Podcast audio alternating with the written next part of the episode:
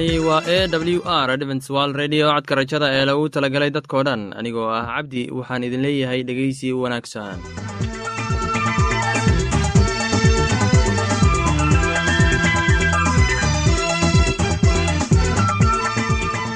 Barnaamijyadeena maanta waa laba qaybood. Qaybta koowaad waxaad ku maqli doontaan barnaamijka caafimaadka. Kadib waxaa inoo raaci doonaa cashar inaga imid bogga nolosha barnaamijyadeena maanta si wanaagsan unu dhegeysan doontaan haddii aad qabto wax su'aal ama tala. Iyo tusaale fadlan inala soo xiriir dib ayaynu kaga sheegi doonaa ciwaankayagu balse intaynan u guudagelin barnaamijyadeena xiisaa leh waxaad marka hore ku soo dhowaataan. Heestan daabacsan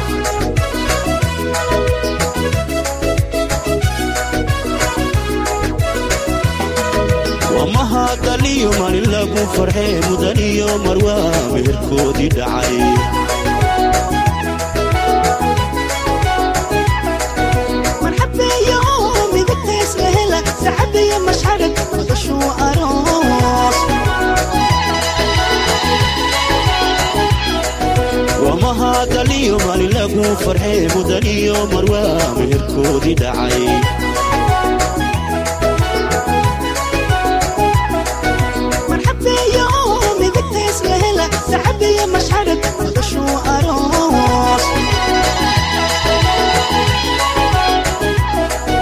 awlad masuula muslim ahoo diile maxamed iyo rooday murtabo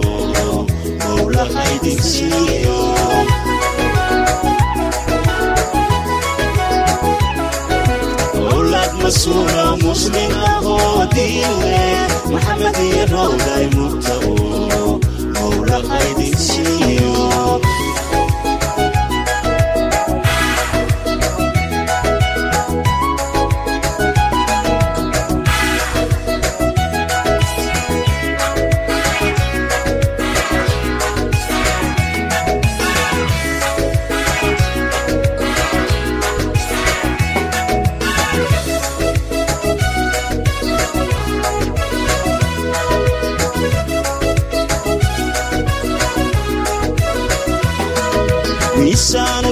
socod muuqiyo hanan maalin dhalaalkooda midab qurxoon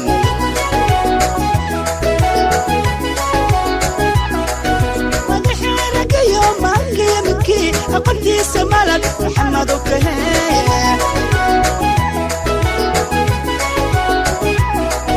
miisaanu socod muuqiyo hanan maalin dhalaalkooda midab qurxoon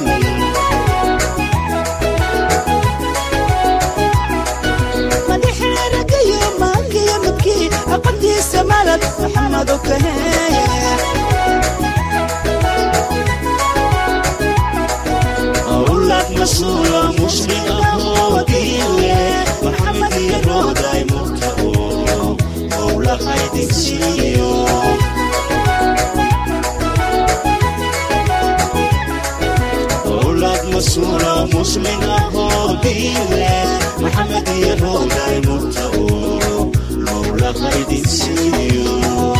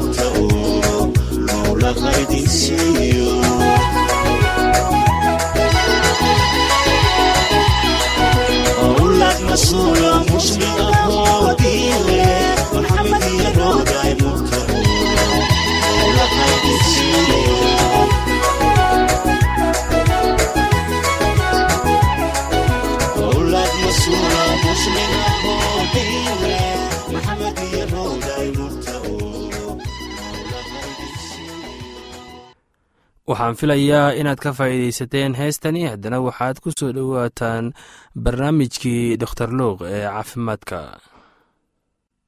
waxa uu dor lucos ka leeyahay wax ku saabsan jimicsiga iyo faa'iidooyinka caafimaadka. Firfircoonida jirka jimicsiga waxa uu muhiim u yahay qofka bani'aadanka laakiin waxaa si gaar ah uu muhiim u yahay dadka qaba sonkorowga. Waxay hoos u dhigi kartaa heerka gulukoska waxa ay jirkaaga ka gargaari kartaa inuu isticmaalo gulukoska ama insuliinka si fiican uu isticmaalo firfircoonida.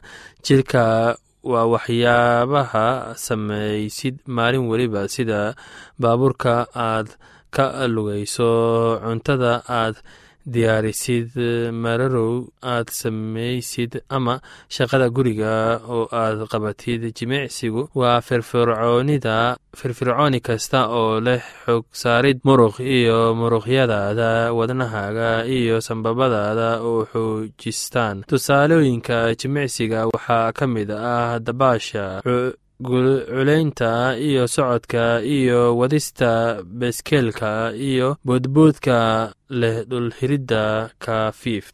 Jimicsiga joogtada ahi waxaa kale uu ka gargaari karaa inuu hoos u dhigo cadaadiska dhiigaagu inuu u yaraado kolestaroolka nooca loo yaqaano d l d nooca xun oo gubka loo ridaa dhisidda muruqyada oo uu baruurka luuto ooyin aad u wacnayn intii horey ka badan dareenta aad yeelatid intii ka horay oo ka badan iyo gigsanaantu oo ah maxay yidhahdaa murugada? Khuburada dhinaca caafimaadka ayaa walaac ka muujiyey in wax kasta aad u yar looga qabtay sidii loo yarayn lahaa samaynta ka dhalata dhaqdhaqaaq la'aanta ama jimicsiga ku yar dadka ku nool caalamka. Warbixin ay soo saartay dadka caafimaadka ku shaqaale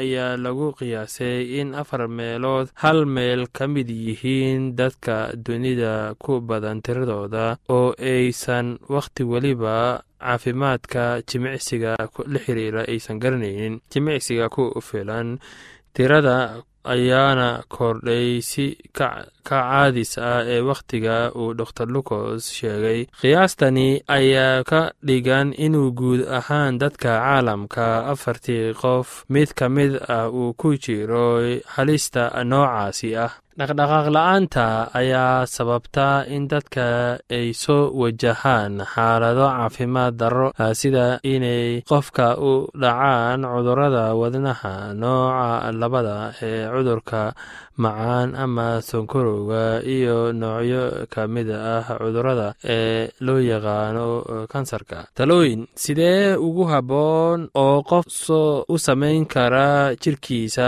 ama jimicsiga lixdan lixdan jirka jirkiisa ku caafimaaday dalalka uu soo galo dhaqdhaqaaqyada badan ay dadka sameeyaan oo ka mid yihiin waddamada uu ku noolaa dor lucos ayay dadkooda badan jimicsiga aad u samayn jirin. Waagaasi sidoo kale haweenka caalamka oo idil ayaa loo aqoonsaday inay yihiin kuwa jimicsiga yar ka yari ragga. Cilmi baarayaasha ee ee dunida ayaa og oona taageersan sida uu dor lucos u soo saaray caafimaadka noocaasi ah. Khubarada ayaa ogaaday in waddamada dhaqaalahu sare sida waddamada galbeedka iyo kuwa kale ay shacabkooda khatarta ugu badan ku jiraan samayn la'aanta ee jimicsiga caafimaadka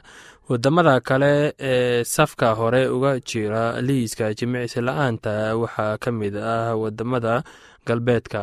Dor lucos ayaa sheegay in jimicsi la'aanta ay hadda joogtay daaliga cusub ee bini aadamka maadaama ay dad fara badan ka dhexeeyaan cuduro badan oo la xiriira caafimaad la'aan. Waxa ay sidoo kale saameyn ballaaran ku yeelan kartaa ugu yaraan dadka aan jimicsiga samayneyn waxaa la sheegay in ay keenayso cumri deg deg aada u sareeya haweenka. Ayaa si guud ahaan u dhaqdhaqaaqa ragga iyo loo eeg dhammaan dalalka laga sameeyo ee jimicsiga aadka u wanaagsan oo dhakhaatiirta ay la taliyeen. Hase ahaatee dalalka ku ballaaran bariga iyo koonfurta bariga ee aasiyada ayaa si weyn uga duwan dhanka dhaqdhaqaaq ugu fiican waddamada kale ee ku yaalla koonfurta aasiya bartamaha aasiya iyo bariga u dhexeeya iyo waqooyiga afrika iyo dunida. Dacaladeeda oo dhan dor lucos wuxuu dhiirigelinayaa dadka aan caafimaadka wanaagsanayn inay isku dayaan jimicsi caafimaad si ay noloshooda u dhisaan ayna caafimaadka u badsadaan barnaamijkii dor luuq waa mid muhiim ah. Waxaan filayaa inaad ka faa'iidaysateen barnaamijkaasi.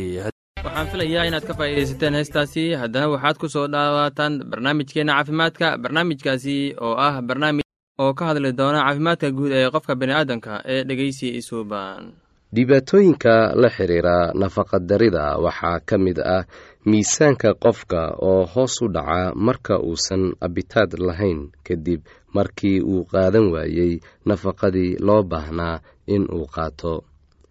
Taana waxaa looga gudbi karaa in qofka bukaa la siiyo dhowr jeer maalintii lagu dhiirigeliyo in uu qaato cunto yaryar oo hadba in yar la siiyo. Waxaa kaloo ka mid ah dhibaatooyinka la xiriira nafaqadirada anemiyada oo ay ugu wacan tahay marka aan la siin qofka bukaa cunto aan lahayn feero ama birta ama qofka oo malaariya ku dhacda ama uu ku jiro gooryaan jilaabeed ama gooryaano kuwa oo burburiya unugyada cascas ee dhiigga kale taana way keeni kartaa dhibaatooyinka la xiriira nafaqadarida.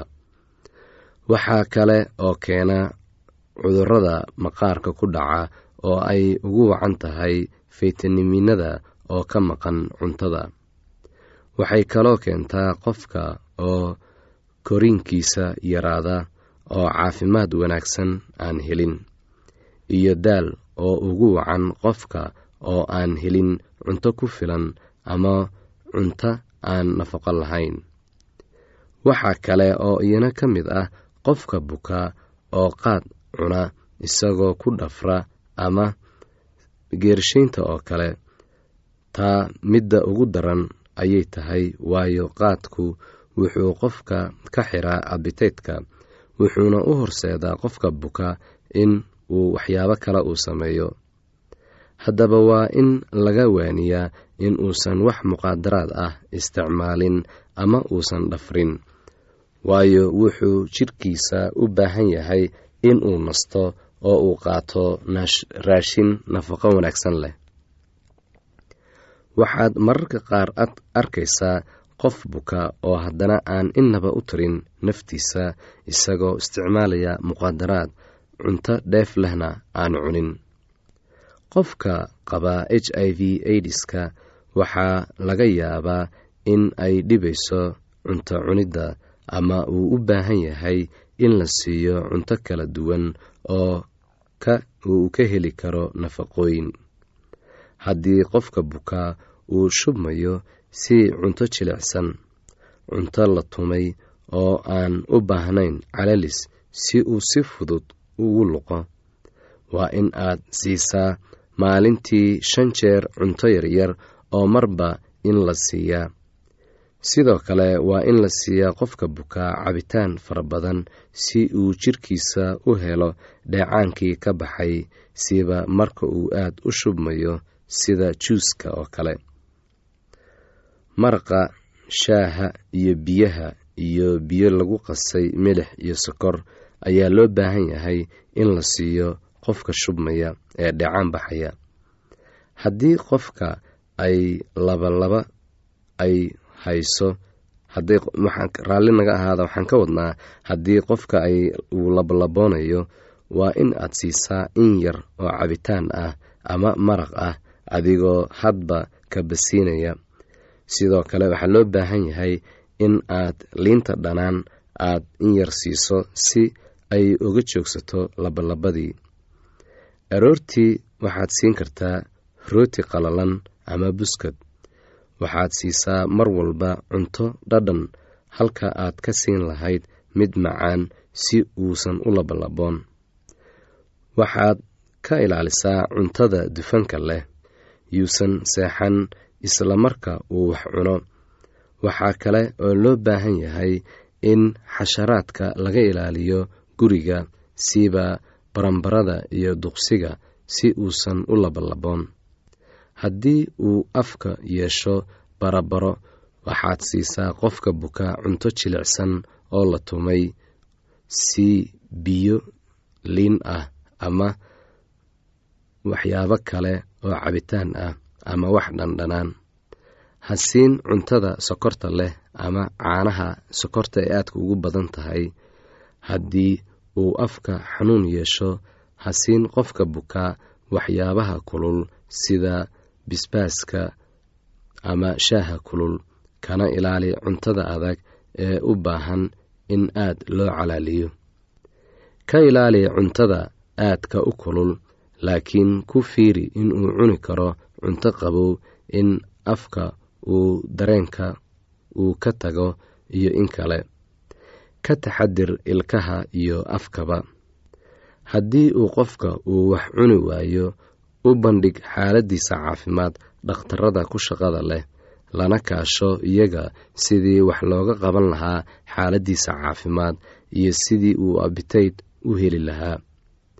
Haddiise aad guriga ku haysato adigoo hadba wax ku tijaabinaya waxay taa sababi kartaa in uu ka sii daro oo uu gaaro heer aan waxba laga qaban karin xaaladiisa caafimaadka.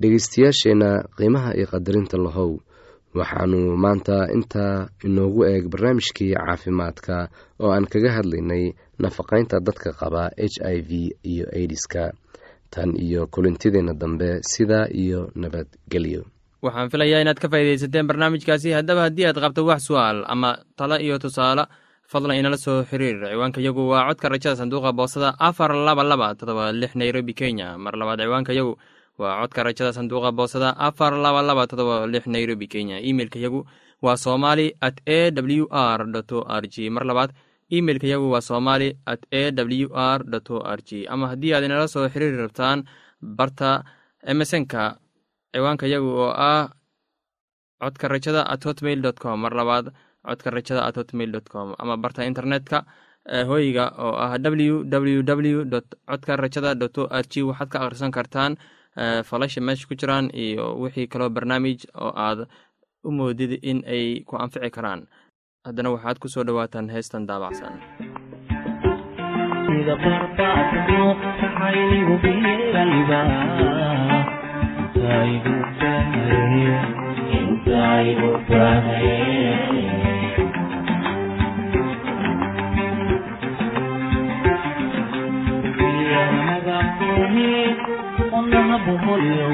cashaku beenbeen ka wayn ukaad xaalkani ka wayn beerkayadaa ku wayn beerkayadaa ku wayn beerkayadaa ku wayn beerkayadaa ku wayn adigu wayne sidiyay adigu wayne adigu wayne sidiyay adigu wayne kuwayn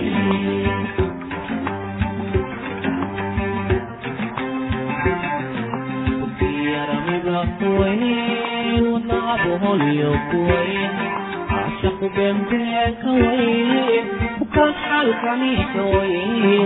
beerkayadaa kuwayn beerkayadaa kuwayn beerkayadaa kuwayn adigu wayne